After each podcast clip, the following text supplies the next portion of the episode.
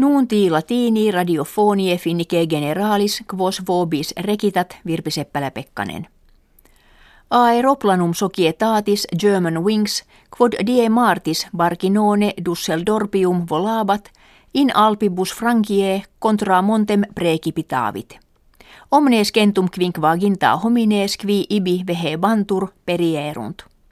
Ante calamitatem aeroplanum per octo minutas descendebat, sed nullus nuntius necessitatis a pilotis missus est. Causa tragedie ad hoc est ignota. Presidens Finnie Sauli Niinistö de crevit, ut in Irakviam septentrionalem quinquaginta milites Finni mitterentur, qui copias peshmerga curdorum ad prelia contra ordinem isis committenda exergerent.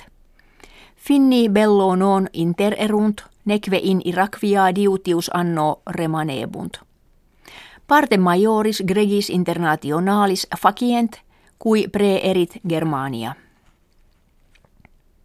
Cum in unione europea quereretur, qui homines vita sua contentissimi essent, apparuit finnos unacum svekis et danis primum locum occupare. Investigatio effecta est ab Eurostat officio statistico unionis. Felicitatem plurimum auxit bona valetudo, sed magni erant etiam conditiones economicae et relationes sociales. Miserrimi inventi sunt in Bulgaria. Inter posteriores erant etiam Greki, Kyprii, Hungari, Portugalli. Preterea apparuit juvenes esse contentiores vita sua quam generationes seniores. Intersexus nulla fere differentia reperta est, nam viri in unione europea, paululo tantum contentiores erant quam femine. Russia exercitia militaria ad finem perduxit, quibus copia suas septentrionales comprobaverat.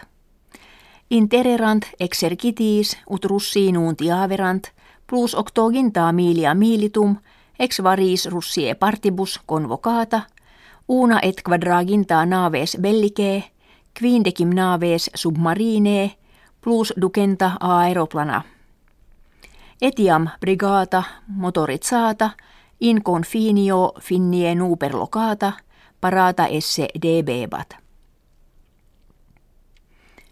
Unio Europea duo miliarda euronum Grekie prebet quibus pauperes juvenes opere destituti atque societates mercatorie crisi economica laborantes adjuventur.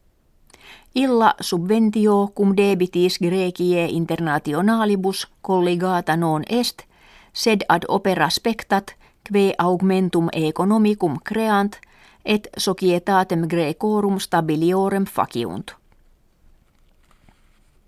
Regens investigatio Japonica ostendit potatores café, forsitan keteris diutius vivere.